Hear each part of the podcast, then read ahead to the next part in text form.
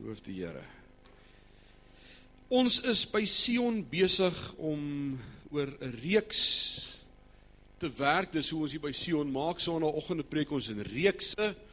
Uh, net so Sondagaan is 'n woordskool met Hebreërs wat dalk vanaand gaan klaarmaak, maar ek twyfel. Ons is besig met God se teenwoordigheid. Sondagoggende praat ons oor God se teenwoordigheid. Iets wat elkeen van ons moet beleef. God wil hê ons moet dit beleef en ervaar en bewus wees van hom. Kan ek gou die hande sien? Wie was hierdie week bewus van Vader se teenwoordigheid?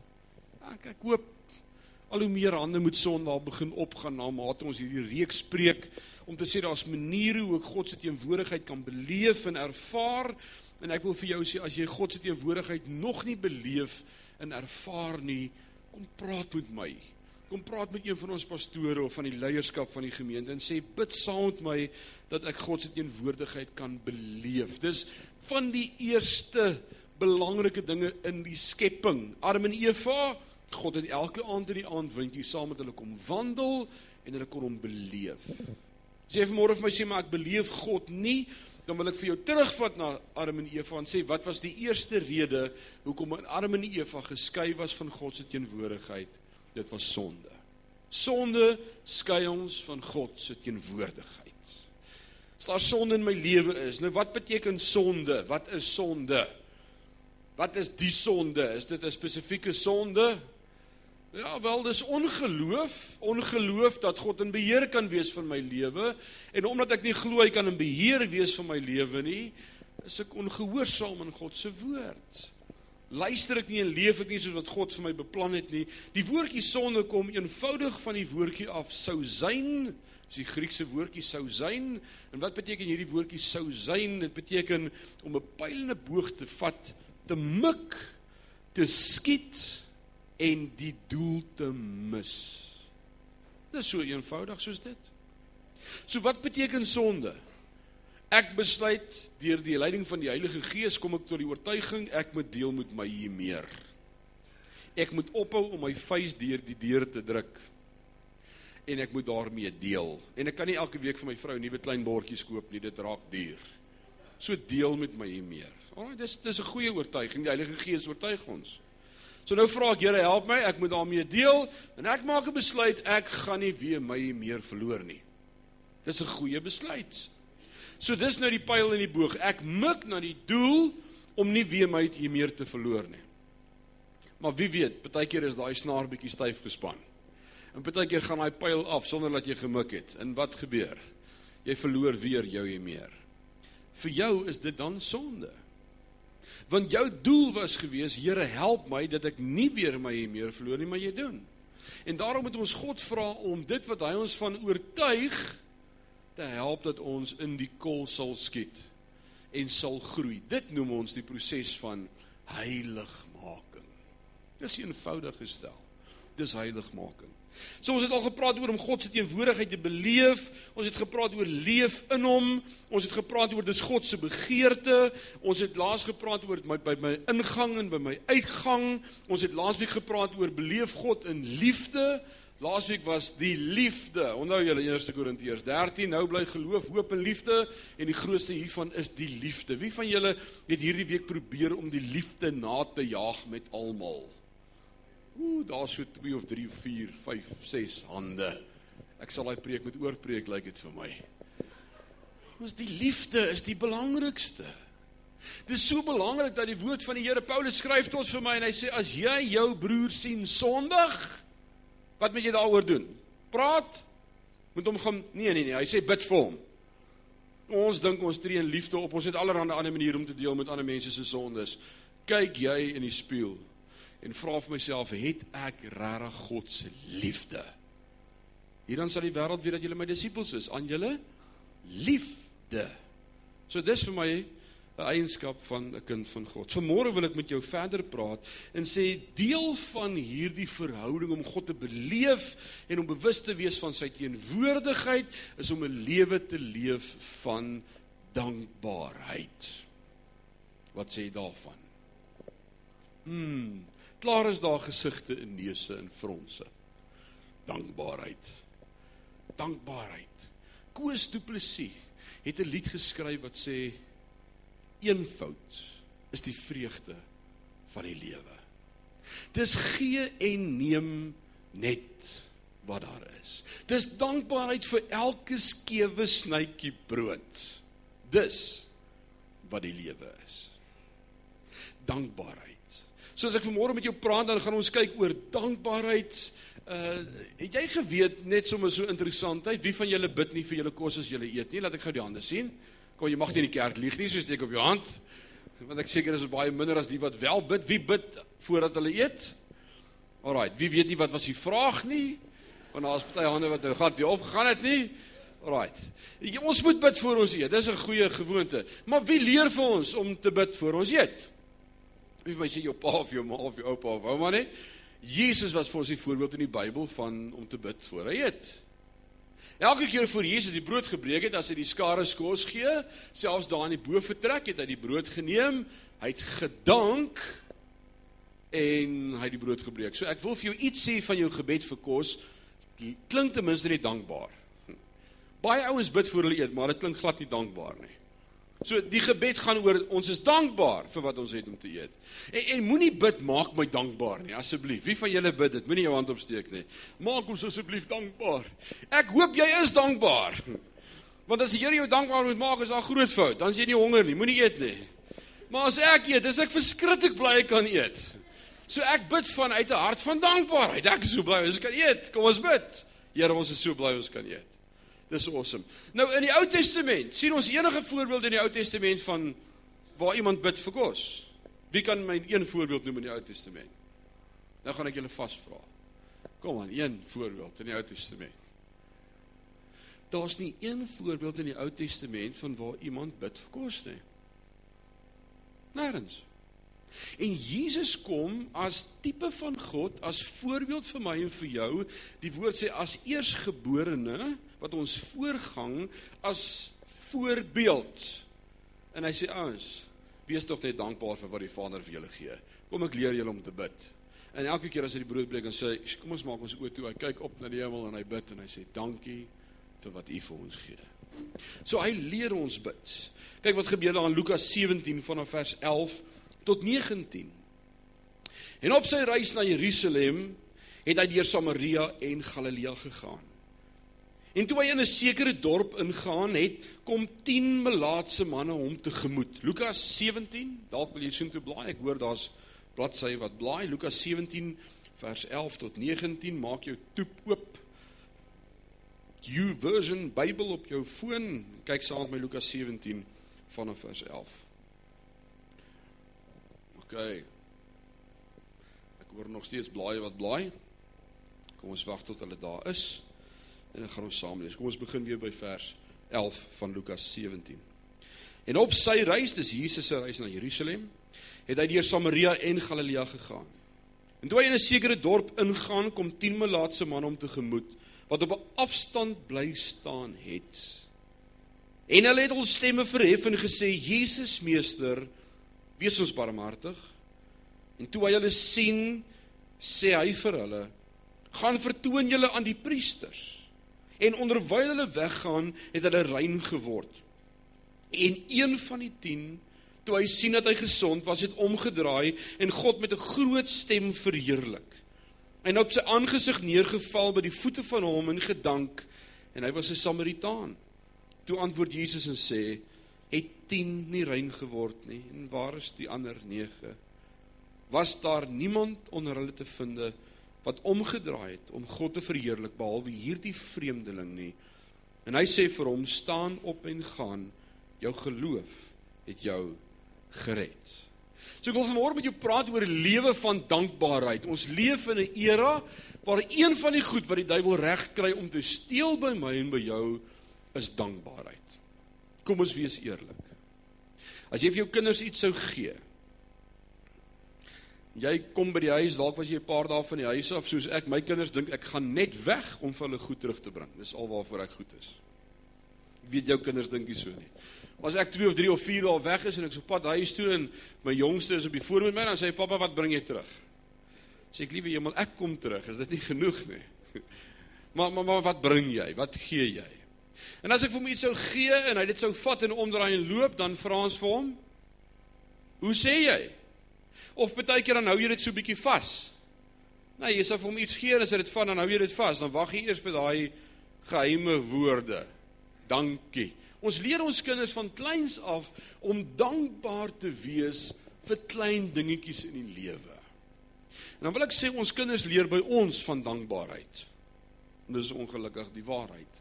Hulle kyk na ons, hoe dankbaar is ons as goed gebeur in ons lewe. En een van die goed wat ek merk by ons in ons gemeenskap, in ons samelewing, in die tyd waarin ons lewe, is daar is so min glimlagte op gesigte oor. Ek wens ek kan vir jou foto neem van wat ek moet sien hier van voor of Sondag. Daar's net geen smiles nie. Sê gou vir jou gesig ek is bly. Sê net vir jou gesig so. Sê vir jou gesig ek is bly. Kyk wat se verskil maak dit. Skielik smile oom Jannie. Dis amazing. Dis so awesome om 'n glimlag te mag sien. Maar waarvan spreek 'n glimlag? Wat sê 'n glimlag? Ek is gelukkig, ek is dankbaar, ek is ek is veilig in die hande van die Here. Hy sorg vir my. Ek het nie kommer nie, ek kom kommer nie, ek het vrede. Dis wat 'n glimlag vir my sê. En iewers kry die duiwel dit reg om by my en by jou ons glimlagte te steel en ons gaan so morbied en depressief deur die lewe dis 'n ernstige saak die lewe. Nee, die lewe is nie ernstig nie. Die lewe bestaan eintlik uit een ding. Net een ding. Net een ding bestaan die lewe uit. Vertrou God. Dis al. Vertrou God. Vertrou hom vir jou redding, vertrou hom vir voorsiening, vertrou hom vir môre, vertrou hom met jou lewe, vertrou hom met alles. Trust hom. Is dit nie geloof nie? Hebreërs 11 vers 1, die Hebreërs skrywer kom so mooi en hy skryf van die gemeente in Hebreërs aan die Hebreërs en hy sê vir hulle in vers 1 van hoofstuk 11, hy sê geloof dan is 'n vaste vertroue op die dinge wat ons nie sien nie, 'n bewys van die dinge wat ons hoop. Dis vertroue. Ek glo. En omdat ek glo dat God sal voorsien, kan ek rustig wees in sy hande. Wie van ons kon al reg kry om die dag van môre te beplan en te laat gebeur net soos wat ek beplan het? Wie se dagboek werk net so uit soos wat jy beplan het? Kan ek net in die hande sien? Want ek het daai tegniek nog nie gevervolmaak nie. Sê jy Madri kry dit reg. Met jou koes of haar eie dagboek. Hey, ons sukkel daarmee. Ek kan beplan. Ek kan sê ek gaan so laat opstaan. Ek gaan so laat my eerste glas lou water met suurlemoensap drink. Ek gaan so laat dit doen. Dan gaan ek die kinders by die skool aflaai. Ek gaan terugkom. Dan gaan ek 'n uur Bybel lees, 2 ure bid. Ek beloof jou môreoggend gaan my program nie so lyk nie. Want ek het vergeet om die wekker aan te sit, so die dag begin met 'n gejaag en 'n geskree en 'n bassein na aan die gang afstaan, opstaan, opstaan, op. Wie se dag begin so? Dis net een van daai goed wat happen. That's life. En as jy weer sien, is al daai goed wat jy beplan het, heeltemal onvergewerp. Dit gebeur net nie so nie. En nou kom Jesus ons deur hierdie eenvoudige gedeelte en 'n so pragtige Dis nie 'n storie in die Bybel nie, dis 'n ware insident. As ons dit lees vanmôre dan is dit soos 'n stuk geskiedenis wat ons vanmôre na kyk, dit wat gebeur het en dit wat God vir ons hierdeur wil leer is wees dankbaar. Wees net dankbaar. Dankbaar is 'n tipe van aanbidding. Dankbaar is deel van my aanbidding. Om dankbaar te wees teenoor God is aanbidding. Wat gebeur met die klank vanmôre? Mm. Right, vers 15 sê en een van hulle toe hy sien dat hy gesond was, het omgedraai en God met 'n groot stem verheerlik.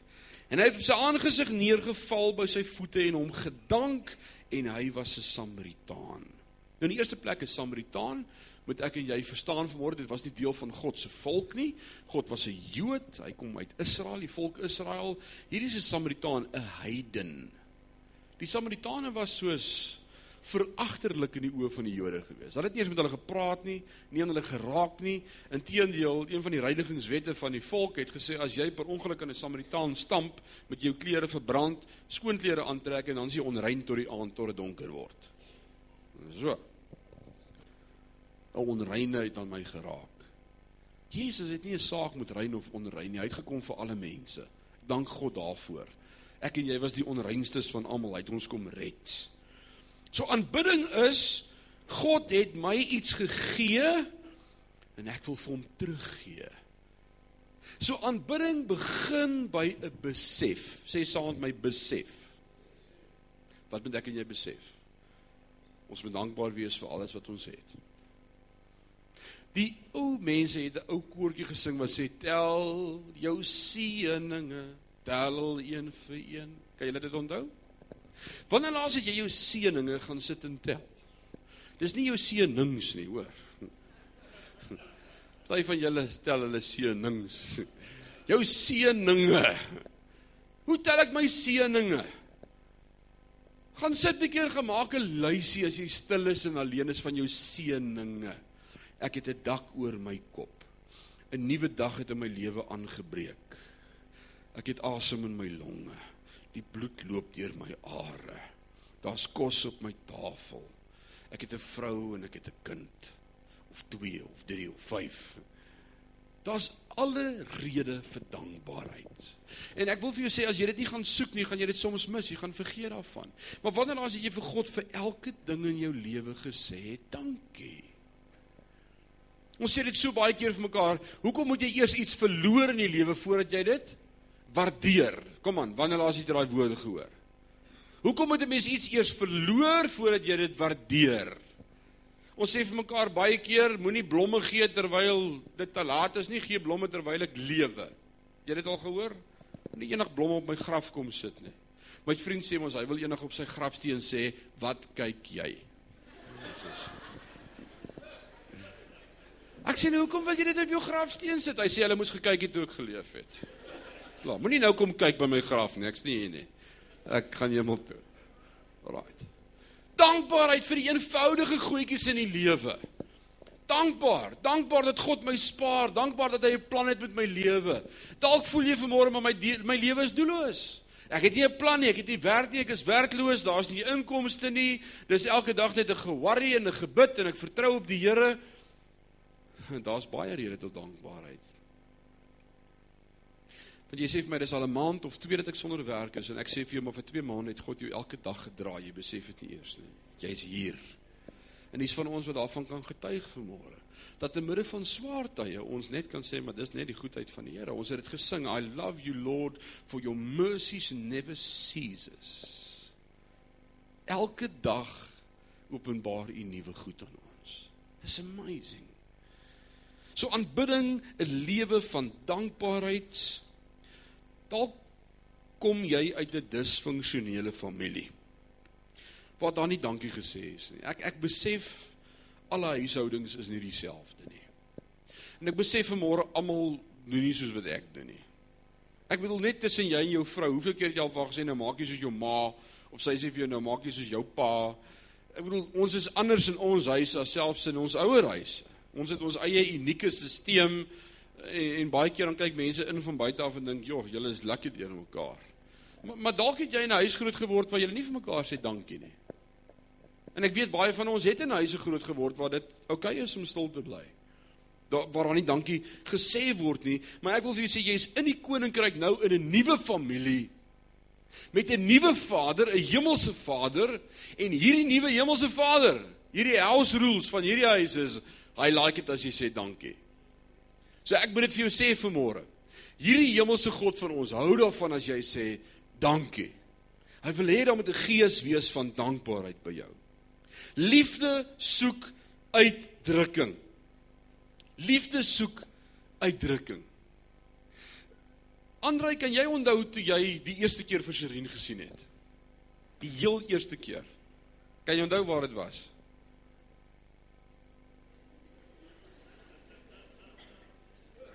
Wiekie, kan jy onthou waar jy die eerste keer vir Adeline gesien het? Ek wil nie weet nie, ek vra net of jy kan onthou. Jy hoef dit nie met ons te share nie. OK. Maar toe begin jy die girl al hoe meer like. Pieter, kan jy onthou die eerste keer toe jy oop Julie gesien het? Die eerste keer, sy was nog so dogtertjie. Nee. Maar jy jy het, en dan begin daar 'n gevoel in jou hart. Hier gebeur snaakse goed binne in 'n mens se hart. Sulke goed wat hier gebeur. Ek hoor Dewald sê nou die dag vir sy ma oor een van die girls, Paul Berrein sy beste vriend beklei. Toe sy van vra "Hoe voel jy?" Toe sê hy, "Nee, hier's 'n skoenlappers wat in sy maag rondvlieg." Toe sê ek, "Liewe genade, die kind word 11." Daar moet nog nie skoenlappers wees nie. Glad nie. Maar jy onthou daai skoenlapper ding hier binne in jou. Kan jy onthou? Ja, hier's mos nou iets wat vir jou sê, jy maar jy voel iets vir die girl. Dat jy voel oor die girl iets. En en dan moet jy oorgaan tot aksie. Jy moet nou vir die girl wys wat in jou binneste gebeur. Jy moet nou so iewerster dan onthou jy daar by 'n fliek, ek het Eileen gevat vir 'n fliek en, en dan sit ons daar by die fliek en dan sit jy jou hand so langs jou op die bank en dan kyk jy vir die sterre of jy iemand is wat vir jou dop hou en dan dan stap jy met daai hand so vinger vir vinger al hoe nader en na dan kyk kan jy onthou Jy vergeet hoe dit gewerk het. Totdat daai pinkie per ongeluk aan haar been raak en dan vat jy hom net so oomblik terug. Dan wag jy vir respons. Of 'n klap of sy skuif op of haar hand kom dan nou so langs jou hand te land en dan is dit die eerste keer wat jy hulle hande vashou. It is amazing. Dis soos jy die hele lewe pos. Jy hoor voeltjies sing. Dis amazing. Ek hoop nie jy het daai oomblik gemis in jou lewe nie. Ek ek hoop jy onthou dit nog. Maar weet jy wat die oomblik toe daai goed begin gebeur, ek wil sê liefde vind uitdrukking. En dit wat ek beleef in liefde wil ek uitdruk. Ek wil dit demonstreer. Dit moet demonstratief na vore kom. Nou ou wat liefhet en net nie wys nie, nou daar's 'n probleem. Daar's 'n probleem. Jy moet dit wys. Jy moet dit sê, jy moet dit kommunikeer. Ek sê altyd van hierdie oom en tannie wat voor my kom sit in huweliksberading en hulle is soos 35 jaar getroud. Hulle is al amper in hulle 60s en en nou sê hulle die huweliksprobleme en ek dink toe jy wat kan ek hulle leer van die huwelik? Nou kom en, en die oom en die tannie sit daar en die tannie sê vir my die oom is nie meer lief vir my nie. En die oom sê dis nie die waarheid nie. En sy sê maar jy sê nooit vir my jy is lief vir my nie en hy sê maar ek het die dag met ons troue vir jou dit gesê en as dit verander sal ek jou in kennis stel. Dit, dit die kite vlieg nie. Dit werk nie so nie. Jy moet gereeld vas sê ek het jou lief. So liefde vind 'n uitdrukking. Dis demonstratief. Ek kommunikeer dit. Ek wys dit. Ek vat aan haar hand of of haar eerste soen. Kan jy dit onthou? Don't go there. Okay, goed. Maar daar daar's uitdrukking. Ek wil dit kommunikeer. En as ek dankbaar is teenoor God vir wat hy vir my doen, dan wil ek dit kommunikeer. Ek wil dit uitskree, ek wil dit uitpasyn, ek wil dit uitbid. Elke keer as ek alleen is, wil ek vir hom sê, Here, U is awesome. Ek so dankbaar vir wat ek het. En as slegte goed met jou gebeur, as daar goed van jou weggevat word, is dit dan nog so maklik om dankbaar te wees? Of verkwalik ek dan die Here? Hoe kan hy dit van my weggevat het? Ek is so 'n paar maande terug is ons as gesin deur 'n toets van iets wat van ons weggevat is. In die oomblik toe dit gebeur, toe sê ek net ek gaan nie dat hierdie dinge krisisse in my hart word nie. Ek kan nie wag om te sien hoe die Here gaan voorsien nie. Here, dankie. Dankie. Kan 'n mens sê dankie? Ja, jy kan sê dankie. Dankie want daar's 'n verwagting God het 'n plan en ek verstaan niks daarvan nie, maar dis oukei okay, want ek het geleer om hom te vertrou en ek is nog steeds dankbaar. God voorsien altyd. Daar is boeke wat voorstel dat daar verskillende tipes aanbidding is. Verskillende maniere van aanbidding. Ek wil vir jou sê net as ons kyk na die Ou Testament. In die Ou Testament het honderde voorbeelde van aanbidding. Ek wil net vanmôre met jou sewe woorde vinnig behandel uit die Ou Testament uit wat praat oor aanbidding. Dis dis sewe Hebreëse woorde. So hier kom die Hebreëus vanmôre. Hou vas, ek is nie 'n Jood nie, maar ek het dit foneties gaan neerskryf. Die eerste een is tada. tada. Ja, dis nie tata nie, hoor. Nee, nee, nee, nee, nee. Tada. Tada, tada. Wat tada beteken is a thanksgiving choir. Dis 'n koor van stemme wat sê dankie. Dis beautiful. Nou yada yada wat afgelei is van die daag gedeelte. Wat beteken yada? Wat beteken ja da? Jy sê vir jou hand ja, sit hom daar, want ja da beteken hef op heilige hande voor God. Jy weet, dis 'n Bybelse woord. Ja da. Jy kan vir jou hand sê ja da. Steek 'n hand op voor God en sê he's awesome. Tot die kinders kan dit reg kry. Barak, wat beteken barak? To kneel in thanksgiving, om te kniel en neer te buig voor God uit dankbaarheid. Nou wil ek die volgende vraag vra. Wanneer laas het jy, toe jy stil geword het in jou stilte tyd, gekniel toe jy met God praat? Ek praat nie van daai lekker lazy boy in die sitkamer wat uitskop met sy voete tot daar ver nie. Ek praat nie van sommer op jou bed lê as jy alleen is die deur toe trek en 'n bietjie Bybelstudie doen onder die lakens nie. Ek praat van wanneer ek met God praat, op my knie gaan en sê ek kniel voor U. Ek het groot geword met 'n oupa, Paul de Klerk, wat gewoond was om voordat hy die dag begin, voor sy bed in die spaarkamer, stilte tyd te hou en te kniel. En ek onthou in daardie huis in Barberton met sy ou zaaitmatte. Kan jy ou zaait onthou? Dis daai groen geplakte lapmat wat so op die matte geplak was met gemkem. Ou zaait. En in die spaarkamer voor die bed was daar twee sulke ovaal kolle waar die hout deurgeslaan het, waar die mat weggebid was van knieë wat voor God kom buig. Dit spreek van 'n lewe wat verstaan het wat beteken barak. Tehila.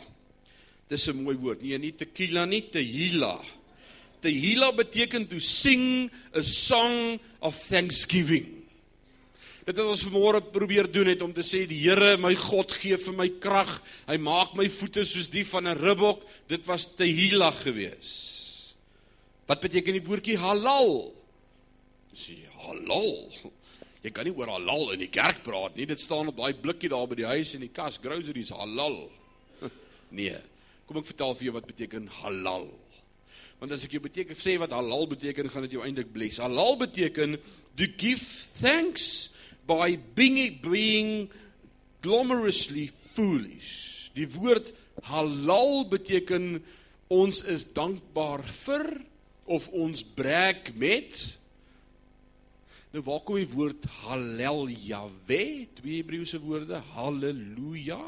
Die woord wat ons so maklik gebruik, haleluja, wat beteken halel Jahwe in die oorspronklike teks wat sê ek spog met my God. Die ouens met hulle halal blikkies kos spog daarmee dat geen hande aan daai kos geraak het nie. Dis rein om te eet. Moenie al die blikkies met halal op weggooi nie, jy's dom. Dis dalk gesond vir jou. En dis nie geoffer aan 'n afgod nie. Die woord van die Here sê moenie eers navraag doen waar dit vandaan kom nie, maar wees dankbaar. Paulus sê selfs daai afgodsoffer, bid daaroor en eet dit, dis die Here wat dit gee. Alraight. So sê net dankie Here vir halal. Ek bid bo oor halal. Dankie vir God. Halal Jahwe. God is groter.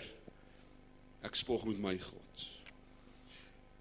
Yoda to give thanks with extended hands. Dis dieselfde as toda, Yoda. Zamar, wat beteken zamar? Zamar beteken to give thanks with a musical instrument. Die Afrikaans sê om die snare hard te pluk. Dit wat ons mee sukkel met Henning, hy moet dit net meer doen as ons besig is met worship. Maar dis zamar om die snare van 'n instrument te pluk. En dan shabach to give thanks in a loud tone en in hakkies het ek gesê shout to the Lord. Hier's nie 'n bordjie vir ons kerk wat sê stilte kerk nie, hierdie is 'n raaskerk. Alraight. Ons mag met 'n harde stem sê loof die Here. Jy sal nooit 'n aanbidder kan wees as jy nie 'n dankbare mens is nie. Net dankbare mense kry reg om te aanbid. Want ek en jy is so gemaak, daar moet altyd 'n rede wees hoekom ons aanbid. En ek wil vir julle sê die rede hoekom ek God aanbid, ek skuld hom alles. Jesus paid it all, all to him I owe. Psalm 100 vers 4 sê en Dawid skryf dit hy sê gaan sy poorte in met lof sy voorhoewe met lofgesange loof hom prys sy naam dit ken ons almal Psalm 100 Nou kom ek lees vir jou wat sê Psalm 100 in die oorspronklike teks gaan sy poorte in met lof is die woordjie toda of thanksgiving sy voorhoewe met lofgesange dis die woordjie tehila of praise Loof hom, Yada, be thankful. Prys sy naam, Barak, bless his name. En daar kom 1 2 3 4 woorde van aanbidding voor in een sinnetjie, vier verskillende maniere om God te aanbid. En Dawid sê: "My siel, jy moet die Here groot maak. Ek moet met myself praat." So die parafrase sou iets klink soos: "Gaan sy poorte in met 'n koor wat danksegging bring en sy voorhoewe met liedere wat lof besing. Strek jou hande uit om hom te eer en kniel voor sy groote naam." Dit sê iets van waar daar staan. Let wel ons hoef nie almal dieselfde te aanbid nie. Dalk sê jy maar Jesus, hierdie ou wat voor my in die kerk gestaan het vanmôre het bietjie mal gegaan. Hy kon nie stil staan nie. Sy hande was die hele tyd in die lug en dan kan hy nie eers sing nie.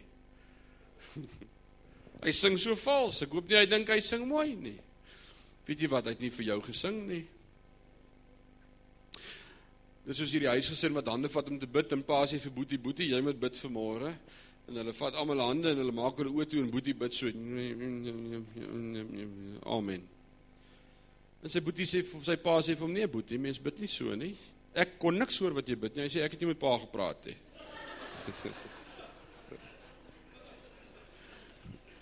So die ou voor jou het nie vir jou gesing nie. So vergeet van hoe dit klink vir ander mense. Jy moet besig wees met God en wat jy bring, bring jy so hom. Maar maak nie saak wie langs jou is nie. Nou vra mense vir my, "Hoekom is dit julle die ligte af as julle sing?" Ons doen nie snaakse goed nie. Ons gaan nie duiwe loslaat of allerlei goed. Hoekom as jy ligte afsit as ons sing is om jou te help om net te fokus op God as jy aanbid. Dis 'n tool.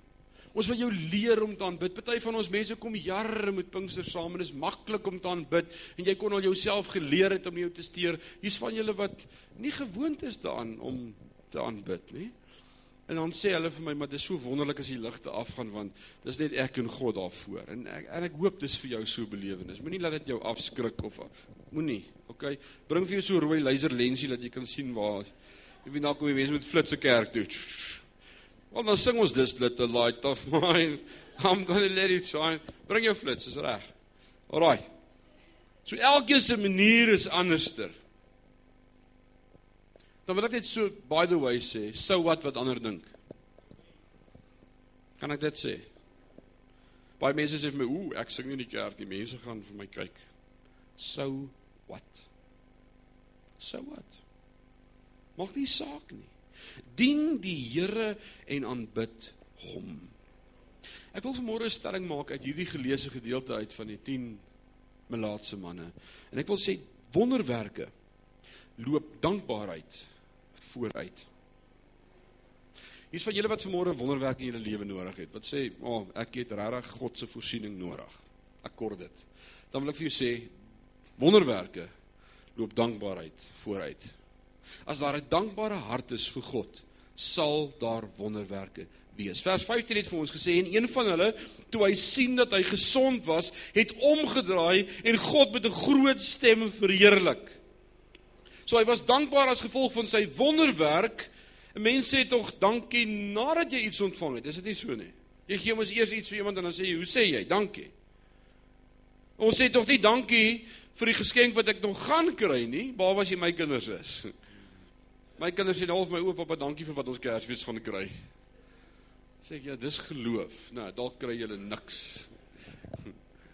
'n week voor my kind se verjaarsdag en Dewald het donderdag 11 geword. 'n Week voor die tyd al. Toe sê hy vir ons: "Ag baie dankie vir my geskenke."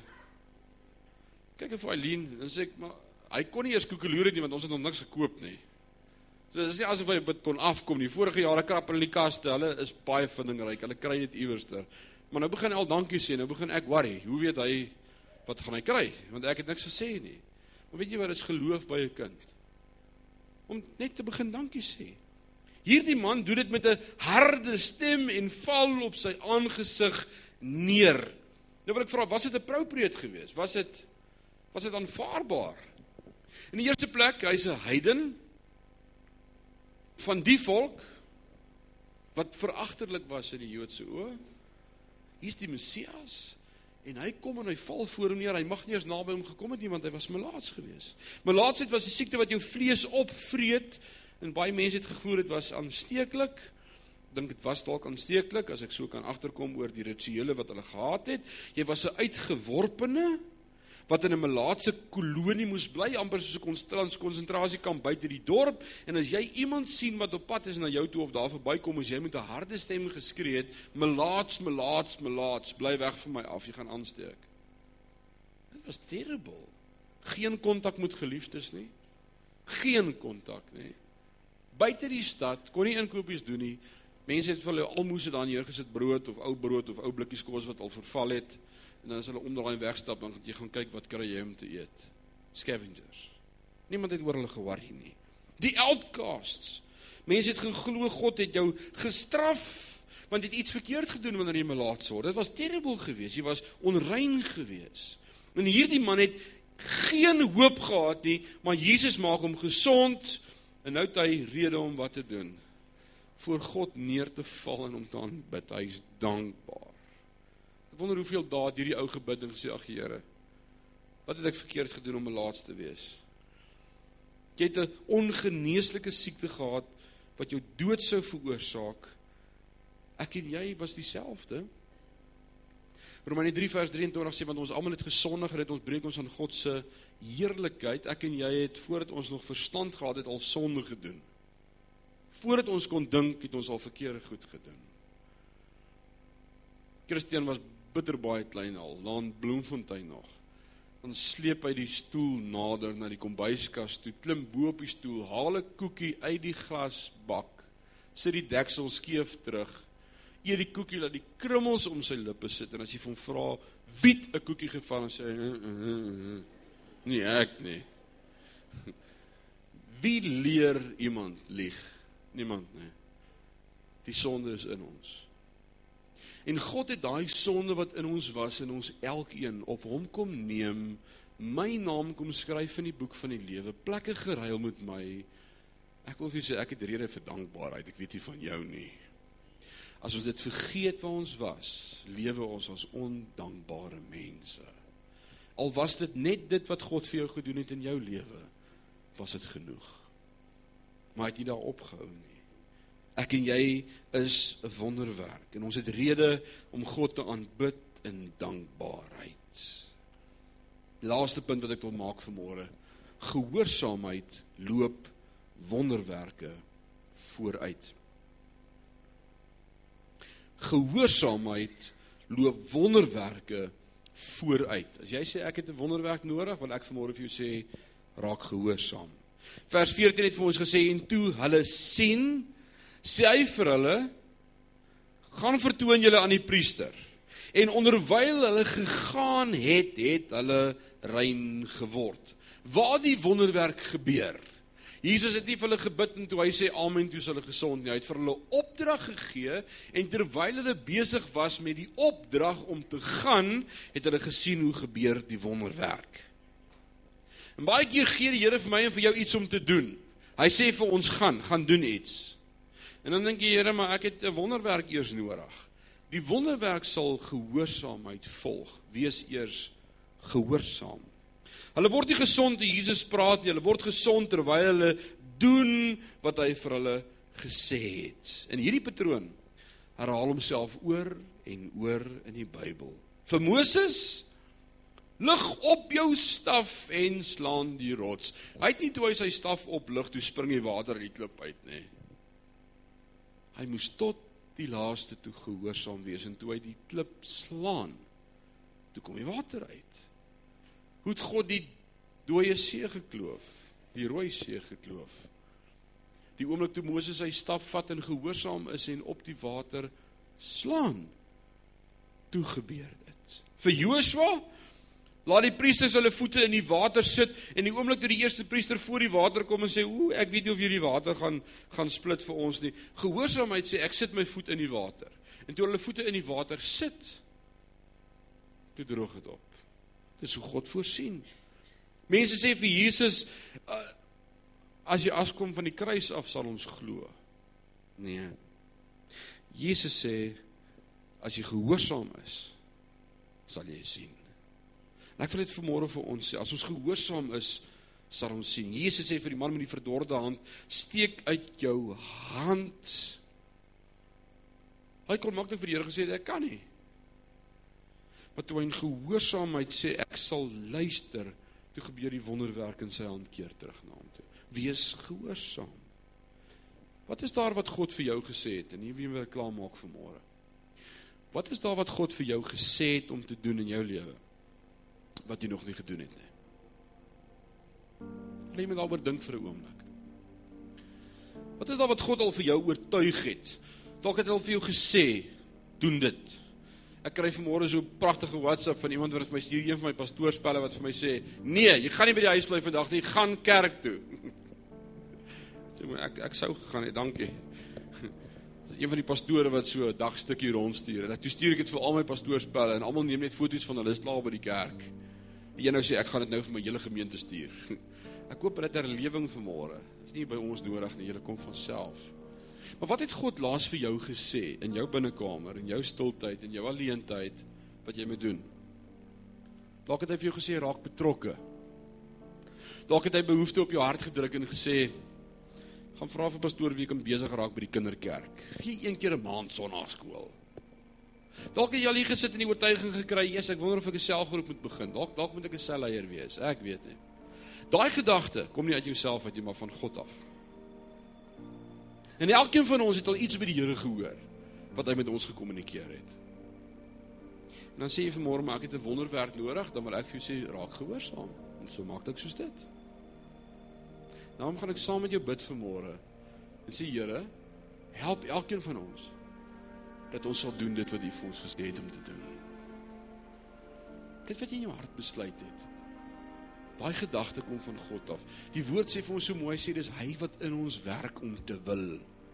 Ek wil nie, maar hy wil in my. En dan sê hy mm en ek sê mm. mm. En vanmôre bid ek dat jy sal sê mm. Ek hoor. Maak gou jou oë toe. Elkeen van ons sluit ons oë. Wil ek even so 'n oomblik dink aan wat jy gehoor het vanmôre. Dink so 'n oomblik daaroor na.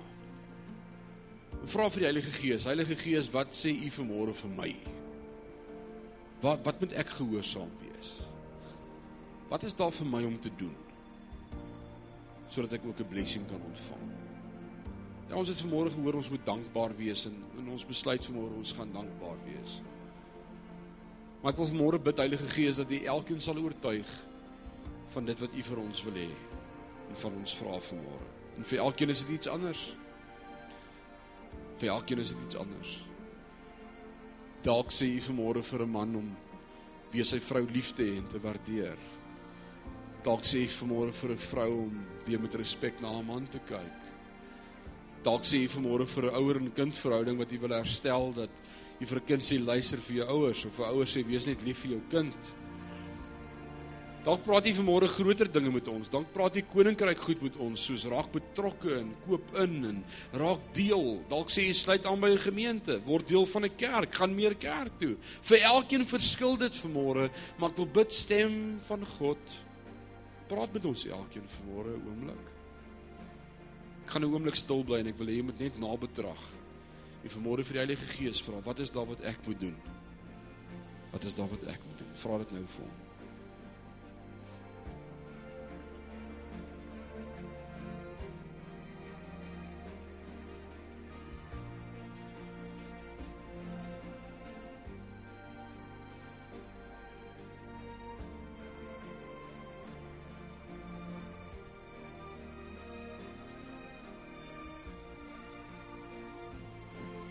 Saam bid. Het die Here met jou gepraat? Hy is getrou, hy praat met ons. Nou gaan ek nou bid dat jy gehoorsaam sal wees aan dit wat die Here op jou hart gelê het. Kom ons bid saam. Vader, ek wil vanmôre vir elkeen bid in hierdie plek. Die Heilige Gees het met elkeen gepraat. Elkeen het u stem gehoor want u praat binne in ons harte met ons elkeen. En ons weet vanmôre in ons harte wat het u vir ons gesê en ek wil bid gee ons die moed en die gehoorsaamheid om te doen wat u vir ons gesê het.